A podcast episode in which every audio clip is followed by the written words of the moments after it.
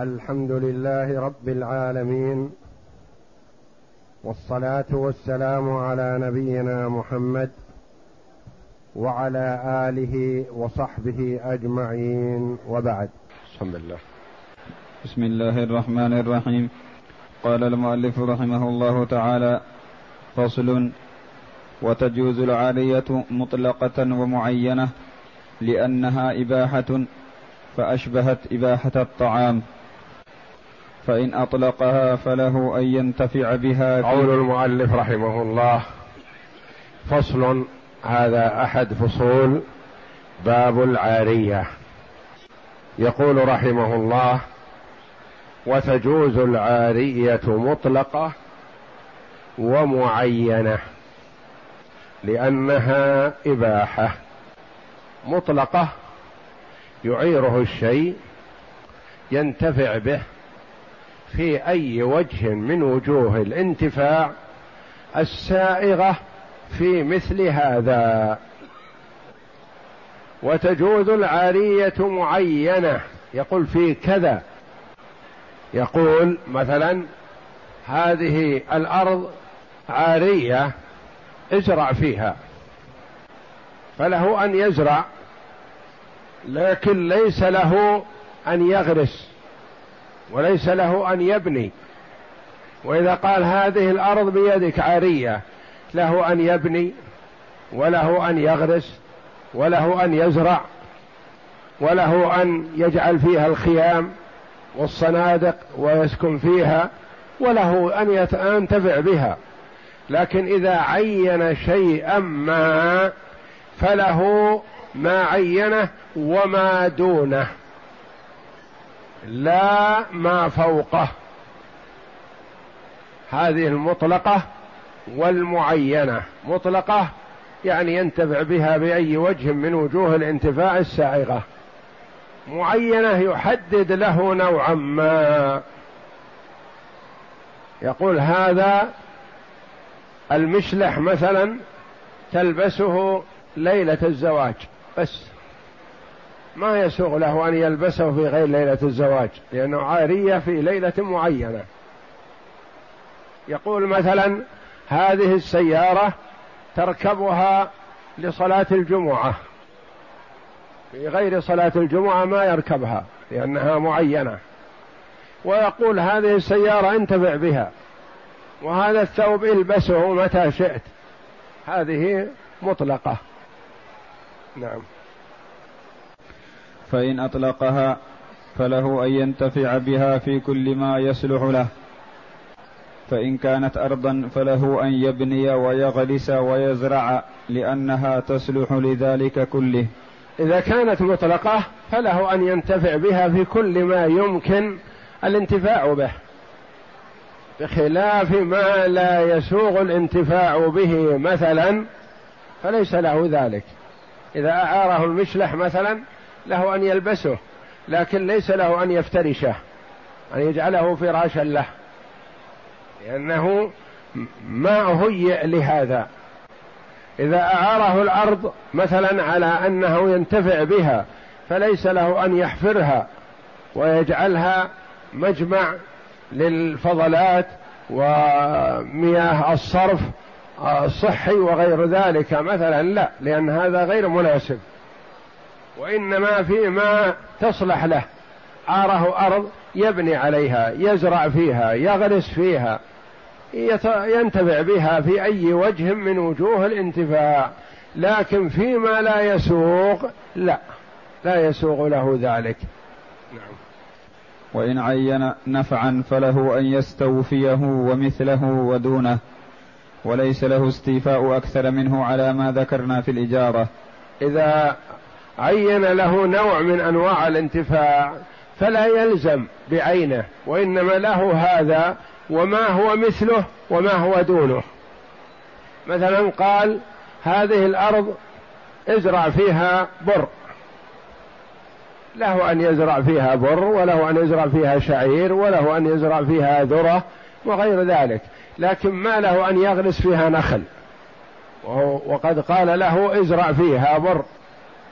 إذا قال مثلا هذه الأرض ازرع فيها ليس له أن يبني فيها مساكن لأن البناء أكثر وأعمق وأضر بالارض من الزراعة وهكذا. فله ما حدده ومثله ودونه لكن أكثر منه ليس له.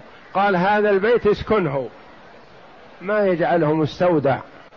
للبضائع. لأنه لأن البضائع قد تؤثر على أرضيته و آه، تسبب عليه آه، تلف وأضرار. بخلاف ما إذا سكن في عائلة قال اسكن فيها أنت وعائلتك مثلا. وهو يعرف أن عائلته خمسة في البيت ما يسكن فيه عشرة. ولا يجمع أقاربه كلهم يسكنون معه. وهكذا مثل الإجارة إذا استأجر لشيء ما فليس له أن يزيد فيه. نعم. فصل. وتجوز مطلقة ومؤقتة. وتجوز مطلقة ومؤقتة. يقول مثلا خذ هذه الأرض ازرع فيها. هذه مطلقة. خذ هذه الأرض ازرع فيها ستة أشهر. ازرع فيها سنة. ازرع فيها موسم هذه السنة. مثلا مؤقتة هذه. والوقت قد يكون قصير وقد يكون طويل. يقول خذ هذه الأرض انتفع بها لمدة خمس سنوات. لكن بعد الخمس أنا أحتاجها. خذ هذه السيارة مثلا انتفع بها لمدة أسبوع. مثلا هذه مؤقتة. مؤقتة يعني محددة بوقت ومطلقة غير محددة بوقت. نعم. فإن أعارها لغراس سنة لم يملك للغرس بعدها. فإن أعارها للغراس سنة. قال هذه اغرس فيها أو ازرع فيها لمدة سنة. بعد السنة ما يسوغ له أن يغرس ولا يزرع لأنه ما أذن له إلا في سنة فقط. نعم. فإن غرس بعدها فحكمه حكم غرس الغاصب لأنه بغير إذنه. فإن غرس فيها سنة ثم غرس فيها السنة الثانية. نقول الغرس في السنة الثانية غير معدون فيه. حكم حكم الغاصب والغاصب ظالم. والظالم يقول عليه الصلاة والسلام ليس لعرق ظالم حق. إذا قال خذ هذه الأرض ازرع فيها هذه السنة فزرع. وانتهت السنة وما طلبها صاحبها. ثم زرع فيها سنة أخرى. بعد مضي شهر أو شهرين قال أريد أرضي. يقول أنا زرعت فيها نقول لا زراعتك هذه لا قيمة لها لأنها غير معدون فيها. غير مأذون فيها. فليس له أن يستعملها أكثر من الوقت الذي أذن له فيه. نعم. وفرق بين الغرس المأذون فيه والغرس غير المأذون فيه. الغرس المأذون فيه سيأتينا أنه ما يهدر على صاحبه وينظر الأرفق بهما. وأما الغرس غير المأذون فيه فهذا يعتبر غرس غاصب لا قيمة له. نعم. وإن رجع قبل السنة لم يملك الغرس بعد الرجوع لأن الإذن قد زال. وإن رجع قبل السنة لم يملك الغرس بعد الرجوع.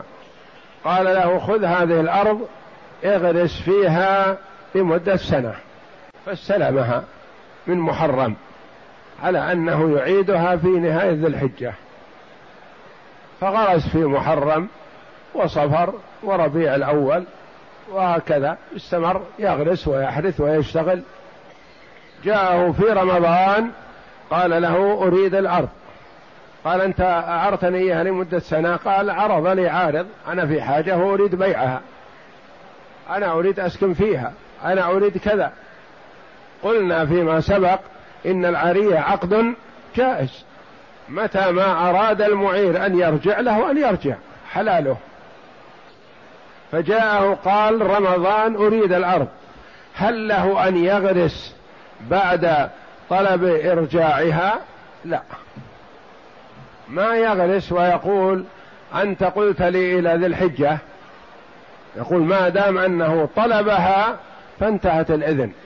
أنت مأذون لك في الأول إلى ذي الحجة لكن رجع. المعير رجع يريد أرضه. فبعد رجوعه وطلبه إياها ما يسوغ لك أن تغرس. فإن غرست فيكون عرق ظالم. نعم. فأما ما غرسه بالإذن فإن كان قد شرط عليه قلعه لزمه لقول النبي صلى الله عليه وسلم المسلمون على شروطهم حديث حسن إذا رجع صحيح. قبل تمام المدة التي أعطاه فإن كان قد شرط عليه قال اغرس فيها سنة لكن إذا انتهت تقلع غرسك سلمني الأرض مثل ما سلمتك إياها بيضاء لا نبات فيها. فيلزمه حينئذ إذا استرجع المعير أرضه أن يقلع الغرس لأنه مشروط عليه والنبي صلى الله عليه وسلم يقول المسلمون على شروطهم. يقول يا أخي علي ضرر في قلع الغرس. أقول أنا شرطت عليك. قلت لك انتفع بها على شرط أنك إذا إذا أني طلبتها منك أنك تقلع ما فيها ولا تعطين عليها لا بنا ولا غرس ولا خيام ولا شيء من هذا. فيلزمه أن يخليها. نعم. وإن شرط عليه تسوية الحفر لزمه للخبر وإلا فإن كان قال له تغرس فيها وإذا انتهيت مثلا من الغرس سوي الحفر تقلع غرسك وتسوي الحفر فيلزمه ذلك. وإن قال تقلع غرسك فقط وسكت فلا يلزمه تسوية الحفر لأنه معروف معلوم بالضرورة أن ما في غرس إلا بحفر. والحفر ما شرط عليه تسويتها وإنما شرط عليه قلع الغرس فقط ويريدها بحفرها. نعم. وإن شرط عليه تسوية الحفر لزمه للخبر وإلا الحفر لأنها في الغرس. وإن شرط عليه تسوية الحفر لزمه للخبر وإلا لم يلزمه لأنه أذن في حفرها باشتراطه القلع ولم يشترط تسويتها. نعم. وإن لم يشترط عليه قلعه لكن لا تنقص قيمته بقلعه لزم قلعه لأنه أمكن رد العارية فارغة من غير ضرر فوجب. وإن نقصت قيمته بالقلع فاختاره المستعير فله ذلك لأنه ملكه فملك نقله. وعليه تسوية الأرض لأن القلع باختياره. لو امتنع منه لم يجبر عليه لأنه فعله فعله لاستخلاص من فعله لاستخلاص لأنه فعله لاستخلاص ملكه من ملك غيره. لأنه فعله لاستخلاص ملكه من ملك غيره فلزمته التسوية كالمشتري مع الشفيع إذا أخذ غرسه. وقال وإن لم يشترط قلعه لكن لا تنقص قيمته بقلعه لزمه قلعه. صور هذه. أعاره هذه الأرض. وقال اغرس فيها. هذا الذي يغرس يغرس نخل ويبيع فيها. ويغرس ويبيع. انتهت مدة الإعارة. النخل هذا يقلع ما فيه إشكال. يؤخذ من هذه الأرض وممكن يوضع في مكان آخر ولا يتضرر. هذا يلزم المستعير قلعه وتسليم الأرض خالية. صورة ثانية. يتأثر المغروس هذا من القلع. يتأثر من القلع. فقال المعير اقلعه يا أخي والنقص علي. نقول لزمه قلعه. كذلك. ما دام أن المالك للأرض التزم بالنقص والعرش يلزمه قلعه. لأنه لازم من تسليم الأرض لصاحبها وما دام أن صاحبها التزم بالنقص فله فيلزمه ذلك. ولذا قال رحمه الله وإن لم يشترط عليه قلعه لكن لا تنقص قيمته بقلعه لزمه قلعه. ما تنقص القيمة.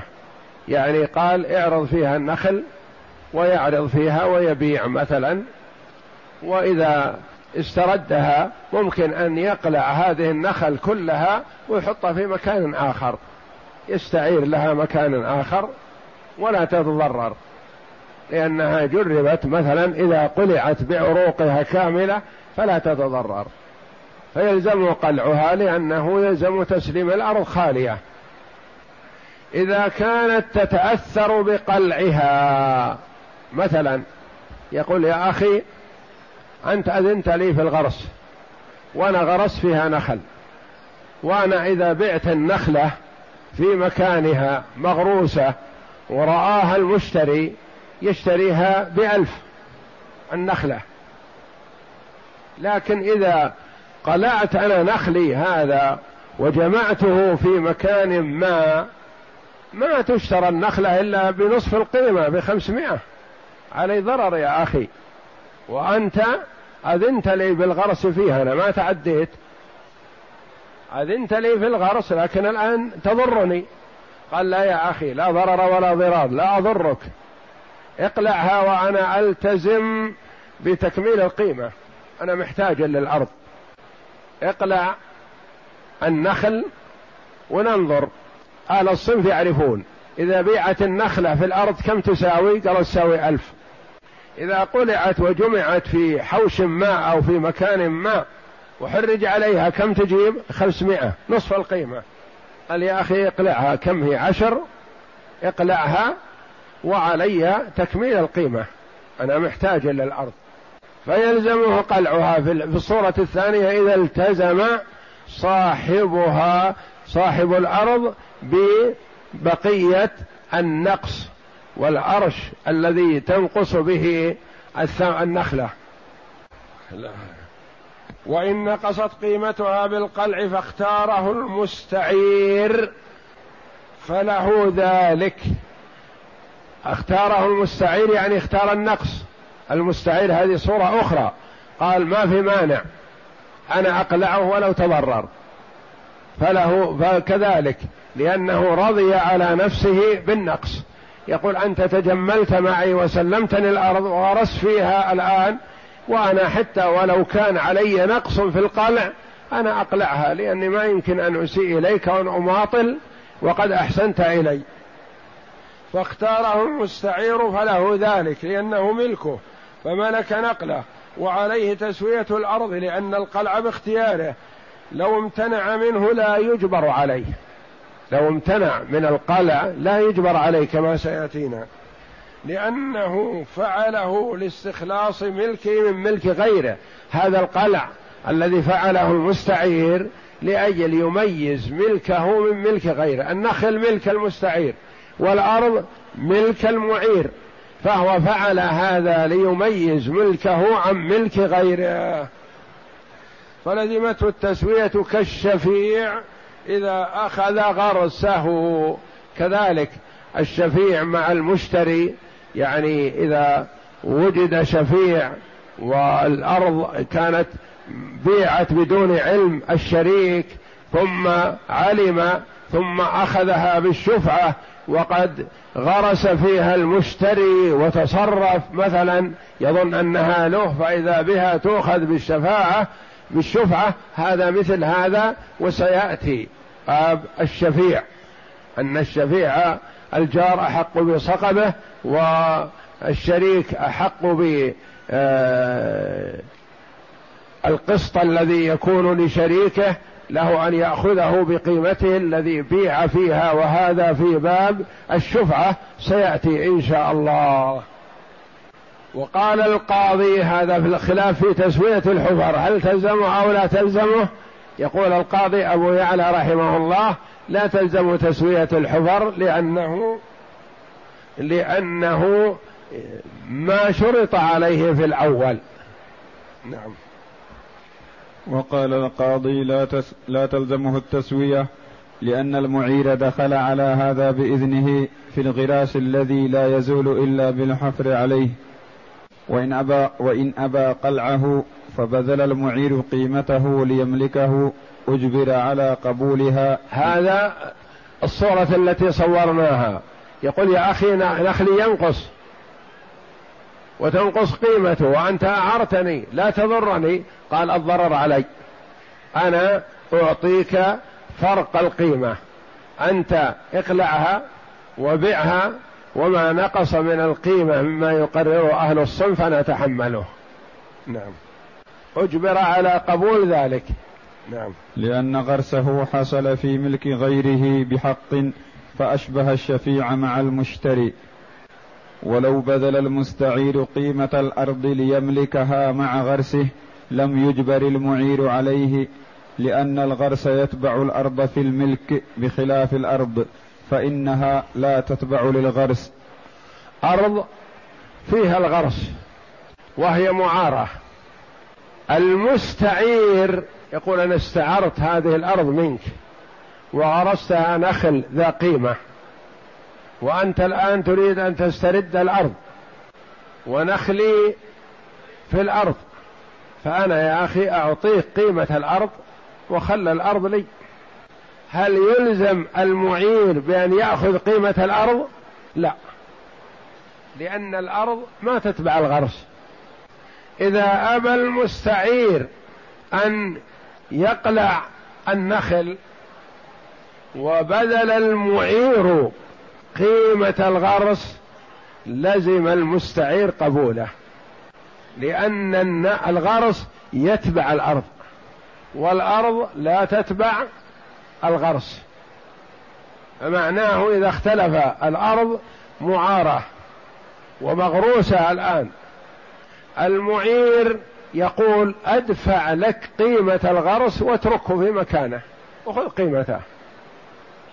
المستعير يقول أدفع لك قيمة الأرض ليكون الغرس والأرض لي.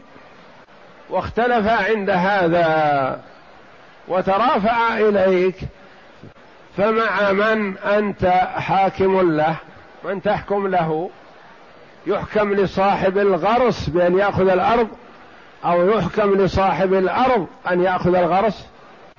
يحكم لصاحب الأرض أن يأخذ الغرس لأن الغرس يتبع الأرض. والأرض عادة ما تتبع الغرس. ومثل هذا البناء. وغير ذلك من الأمور اللي تتداخل. مثلا هذا بنى في أرض هذا بناء على إذن. ثم احتاج صاحب الأرض الأرض وقال آه هذه أرضي وأنا اعرتك إياها لمدة خمس سنوات وانتهت أريد تسلمني إياها. قل يا أخي فيها بناء لي. يقول صاحب البناء أنا أعطيك قيمة الأرض. قال صاحب الأرض لا يا أخي أنا أعطيك قيمة البناء وارحل. فنقول يجبر صاحب البناء أو صاحب الغرس بأن يأخذ العوض ويرفع يده. ولا يجبر صاحب الأرض بأن يأخذ العوض ويرفع يداه فإن بذل المعير أرش النقص الحاصل بالقلع أجبر المستعير على قبوله لأنه رجوع في العارية من غير إضرار. وإن لم يبذل القيمة ولا أرش النقص وامتنع المستعير من القلع لم يقلع. لم يقلع لا يضار المستعير. قال المستعير مثلا يا أخي عليه ضرر. وقال المعير أنا أريد أرضي. قال يا أخي ادفع لي قيمة البناء ادفع لي قيمة الغرس. قال لا أنا ما أدفع وأنت لازم ترفعها. نقول إذا كانت انتهت المدة فنعم يرفعها. لكن ما انتهت المدة؟ يقول يا أخي أنت أعطيتني خمس سنوات والآن ما مضى إلا سنتين وأنت رجعت بالعارية جزاك الله خير.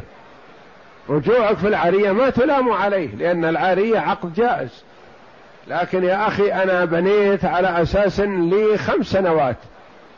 فما يجبر بالقلع لأن عليه ضرر.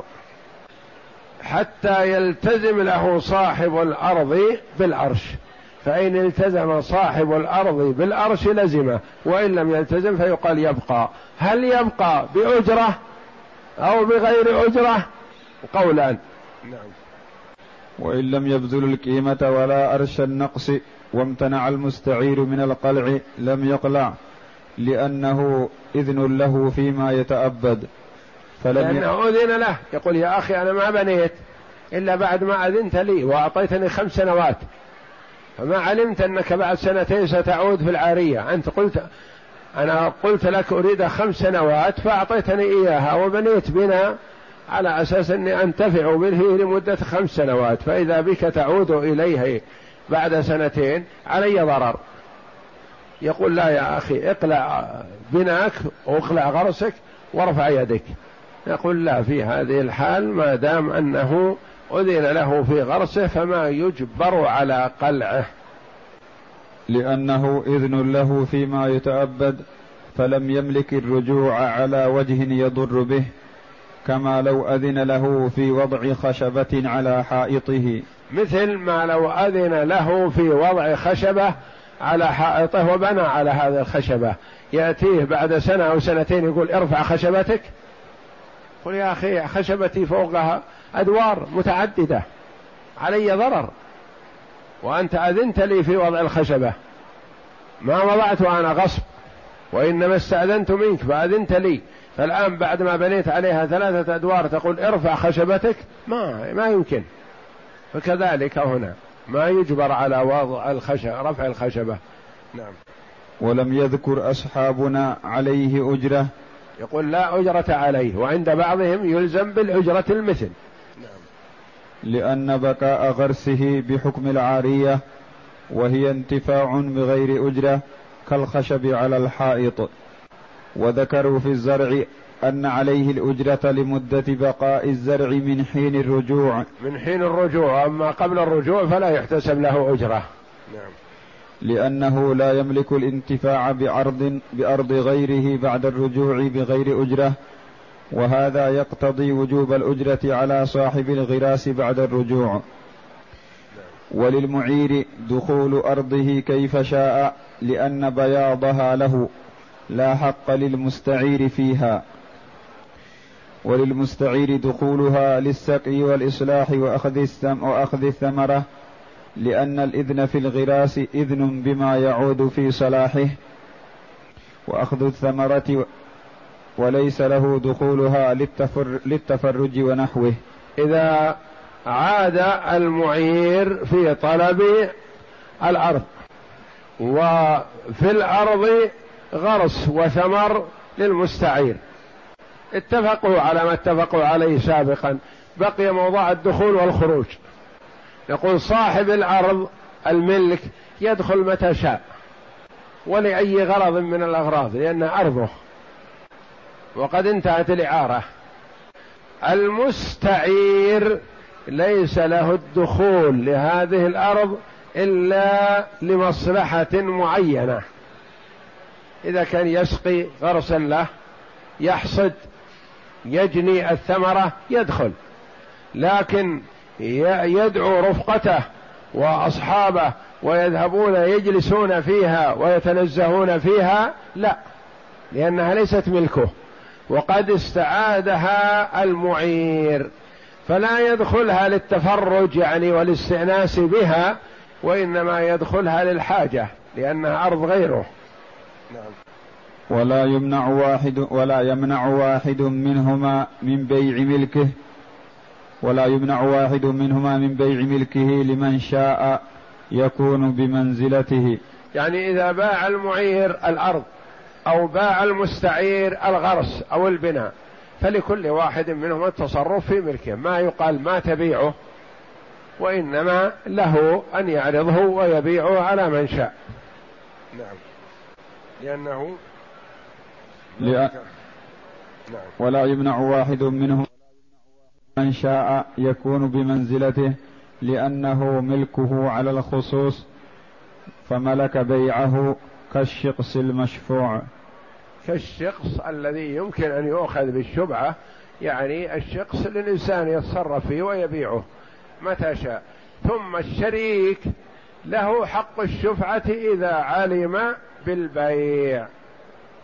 والله أعلم. وصلى الله وسلم وبارك على عبد ورسول نبينا محمد وعلى آله وصحبه أجمعين.